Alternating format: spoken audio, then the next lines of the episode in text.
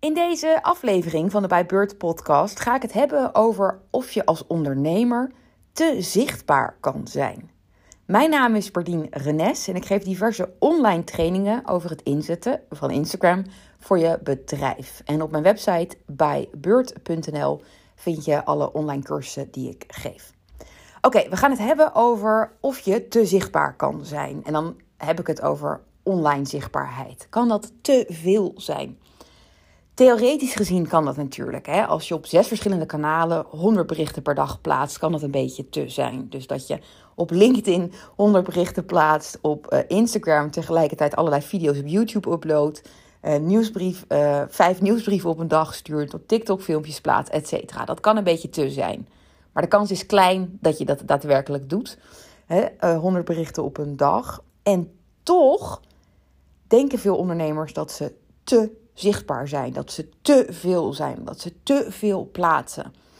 Terwijl in werkelijkheid, en dan voornamelijk ZZP'ers, helemaal niet zichtbaar genoeg zijn en dat ze eigenlijk te weinig zichtbaar zijn. En daar ga ik deze podcastaflevering een aantal dingen over bespreken, waar je hopelijk iets aan hebt en of die je aan het denken zetten. En de eerste is, en daar heb ik het al eerder over gehad, we maken onszelf allemaal belangrijker dan we zijn. Dus als jij op een dag een aantal stories plaatst, of sterker nog, een week lang een x aantal stories uh, plaatst waarin je producten en diensten laat zien, dan kan het voor jezelf aanvoelen als: jeetje, nou, ik heb wel hè, veel uh, aan verkoop gedaan deze week, of er veel over gedeeld. Is het misschien niet een beetje veel geweest? volgende week hou ik het wel rustig. Dan deel ik tussen aanhalingstekens wat leuke dingen. Um, jij denkt daar zo over. Andere mensen zijn op die manier helemaal niet met jou bezig. Sterker nog, Mensen onthouden je niet. Mensen zien honderden stories per dag van allerlei ondernemers. En de kans is klein dat ze vervolgens bij jou denken: Jeetje, heb je haar weer? En natuurlijk is het heel interessant om na te gaan denken hoe je onthouden kan gaan worden, want dat wil je natuurlijk. Eh, maar het fijne dus daaraan is, is dat mensen zien zoveel content op Instagram per dag, dat jij je echt niet druk hoeft te maken dat je te veel bent of dat je te zichtbaar bent. Sterker nog, juist omdat mensen zoveel zien op Instagram, uh, is het belangrijk dat je zichtbaar bent. Maar maak jezelf daarin dus niet belangrijker dan je bent.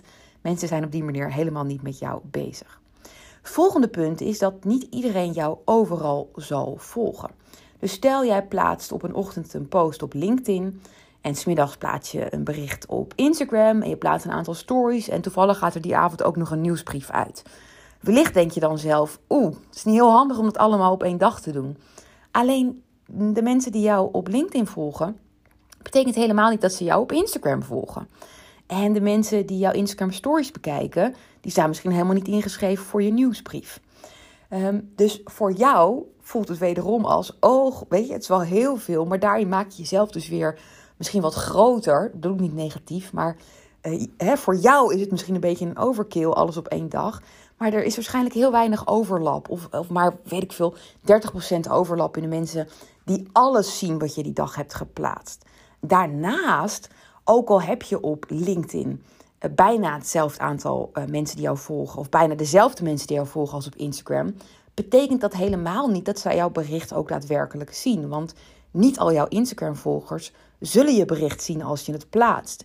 Zeker als je het algoritme niet zo onder de knie hebt, dan ja, zullen niet, stel je hebt 5000 volgers, al die 5000 volgers jouw post zien. En hetzelfde geldt voor je stories. Als jij 5000 volgers hebt, uh, zul jij niet 5000 storykijkers hebben. Dus ook daarin kan het hè, nogmaals voor jezelf voelen: oh, dat is wel een beetje veel. Maar de kans is heel groot dat helemaal niet iedereen het ziet. En daarnaast is niet iedereen elke dag online. Dus dingen die jij op Instagram plaatst, worden niet alleen uh, door veel van je volgers gemist, omdat je ze wellicht niet bereikt, omdat je het algoritme van je tijdlijn en je stories net niet lekker om de knie hebt, maar ook omdat ze er simpelweg misschien op woensdag op een parttime dag niet zijn, of op maandag de app niet openen, of twee weken op vakantie zijn. Ook hierin voor jezelf kan het voelen van, oh het is wel heel veel geweest, terwijl heel veel mensen het gemist hebben. Dus het is helemaal niet erg om op maandag, wat jij maandag geplaatst hebt in je stories, een stukje verkoop, om dat op donderdag te herhalen of een week later weer te herhalen. En dat mag natuurlijk wel op een andere manier. Het hoeven niet precies dezelfde stories te zijn.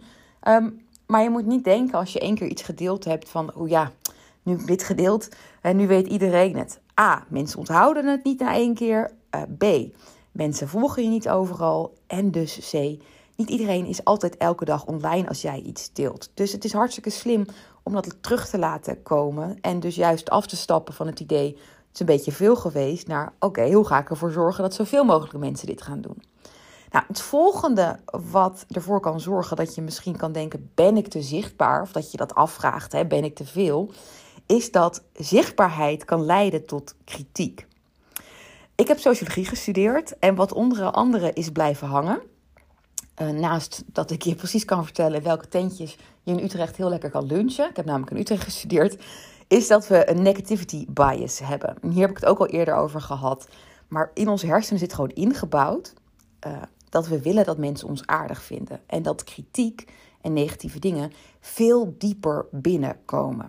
Uh, dat was vroeger, maar dan echt heel lang geleden, een heel belangrijk ding om te kunnen overleven. Hè, want dan kon je bij een groep aansluiten. Dat vergroot je kans op overleving, kans op voedsel, etc. Nu is dat veel minder relevant en toch zit het nog in ons. En dat betekent dat we niet alleen kritiek uit de weg willen gaan, maar ook dat kritiek, een nare opmerking of ja, hoe klein het ook klinkt, een, een nare DM die je ontvangt, veel dieper binnenkomt. En onbewust kan het best wel iets zijn wat je uit de weg gaat. En hier heb ik het in de podcastaflevering de keerzijde van online zichtbaar zijn ook al over gehad. Ehm, dat als je echt zichtbaar bent, je daarmee mensen ook kan afstoten. En tegelijkertijd mensen kan aantrekken.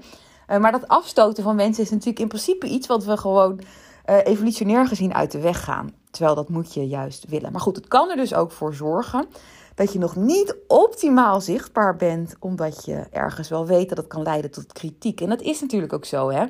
De kans dat je een naar berichtje krijgt als je 100 volgers hebt, uh, is een stuk kleiner dan als je 10.000 volgers hebt. Maar het gaat gewoon uh, niet zo zijn, uh, binnen je bedrijf niet en ook niet binnen je privéleven niet, dat iedereen je aardig gaat vinden of iedereen altijd leuk gaat reageren op je. Als je dat echt wil, dan zul je ergens moeten opsluiten. Hè, met zo min mogelijk mensen contact hebben. Maar dat is ook niet ideaal. Dus dat is ook binnen je bedrijf niet iets om na te streven. En dus ook denk ik niet iets wat je mee hoeft te nemen in je afweging. Hè, wat betreft uh, je zichtbaarheid. Ik merk het zelf ook toen ik uh, begon met mijn webshop vijf en half jaar geleden. Had ik denk ik na een maandje 500 volgers. En inmiddels heb ik uh, ehm, 13.000 volgers op Instagram. Het gaat even niet om de volgersaantallen. Maar in het begin kreeg ik nou ja, maandenlang nooit een vervelend berichtje. En nu krijg ik misschien één keer per half jaar een vervelend berichtje, een nare reactie op een story. En uh, ja, dat, dat hoort nou eenmaal bij dat je dan iets meer volgers hebt. En waar hebben we het over? Hè? Ik bedoel, dat ene nare berichtje één keer per half jaar, is dat nou iets om vervolgens jezelf in tegen te gaan houden, om dat uit de weg te gaan? Ik denk het niet. Maar goed, het kan zijn dat het ergens onbewust bij je, uh, bij je meespeelt. Volgende punt is, als je afvraagt, ben ik te zichtbaar, ja of nee, is dat mensen zelf kunnen kiezen of jij dat bent.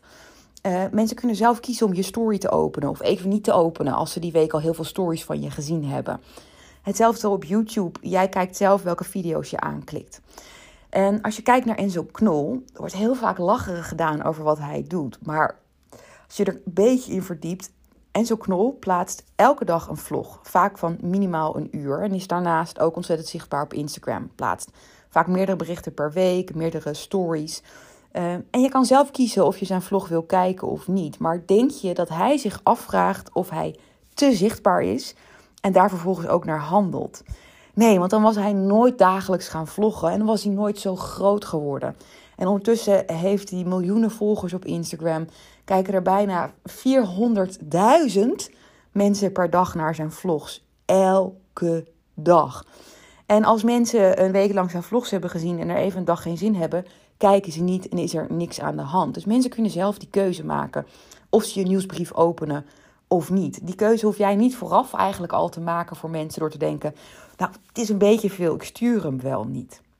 En het laatste punt dat ik je mee wil geven is dat je huidige zichtbaarheid bij kan dragen aan hoe je toekomstige zichtbaarheid wordt ontvangen. Dus stel jij hebt deze week elke dag een aantal stories geplaatst en plaatst vervolgens een post, is de kans heel groot dat mensen, omdat ze je stories al gezien hebben, sneller geneigd zijn je post te lezen, omdat je iets meer in hun hoofd zit en dat ze eerder een reactie zullen plaatsen, omdat ze weten, echt weten van wie die post afkomstig is.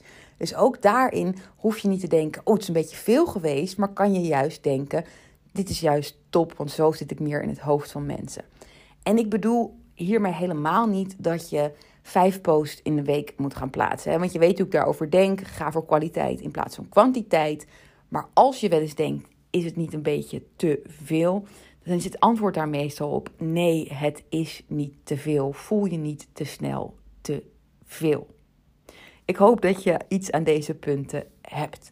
Uh, voordat ik deze podcast-aflevering afsluit, wil ik je nog iets vragen. Ik heb nu zo'n 30 podcast-afleveringen opgenomen. Ze zijn nog niet allemaal online gekomen, een aantal zijn er ingepland. En toen ik begon met het opnemen van podcast-afleveringen, heb ik daar eigenlijk niemand iets om gevraagd. Normaal is het natuurlijk altijd een heel slim plan als je met iets begint om een beetje input te vragen van je doelgroep, hè, zodat je wat je gaat doen kan afstemmen op waar behoefte aan is. Alleen ik wist als ik dat zou gaan doen, dat ik de drempel om daadwerkelijk te gaan beginnen met de podcast nog hoger zou maken. Dus ik ben gewoon begonnen, ben het gaan doen. En nu ben ik op het punt dat ik denk: oké, nu ben ik even heel benieuwd naar wat vinden mensen eigenlijk fijn, waar is nog behoefte aan. Op welk platform luister je de podcastaflevering? Wat vind je eigenlijk een ideale lengte, et cetera. Dus ik heb een hele korte enquête gemaakt. En de link naar die enquête staat in de omschrijving van deze podcastaflevering. En je helpt me er echt heel erg mee als je die wil invullen. En nogmaals, kost je een paar minuten. Het zijn voornamelijk een paar multiple choice vragen en een paar open vragen. Je kan gewoon kijken wat jij fijn vindt om in te vullen. Je hoeft helemaal niet alles in te vullen. En op die manier kan ik uh, nou, podcastafleveringen verbeteren. Heb ik weer wat input qua aan welke onderwerpen behoefte is, et cetera. Dus daar help je me heel erg mee. Als je dat wilt doen, heel erg graag. En voor nu bedankt voor het luisteren naar deze aflevering. En je weet me te vinden op Instagram onder @bijbeurt.nl. Bye!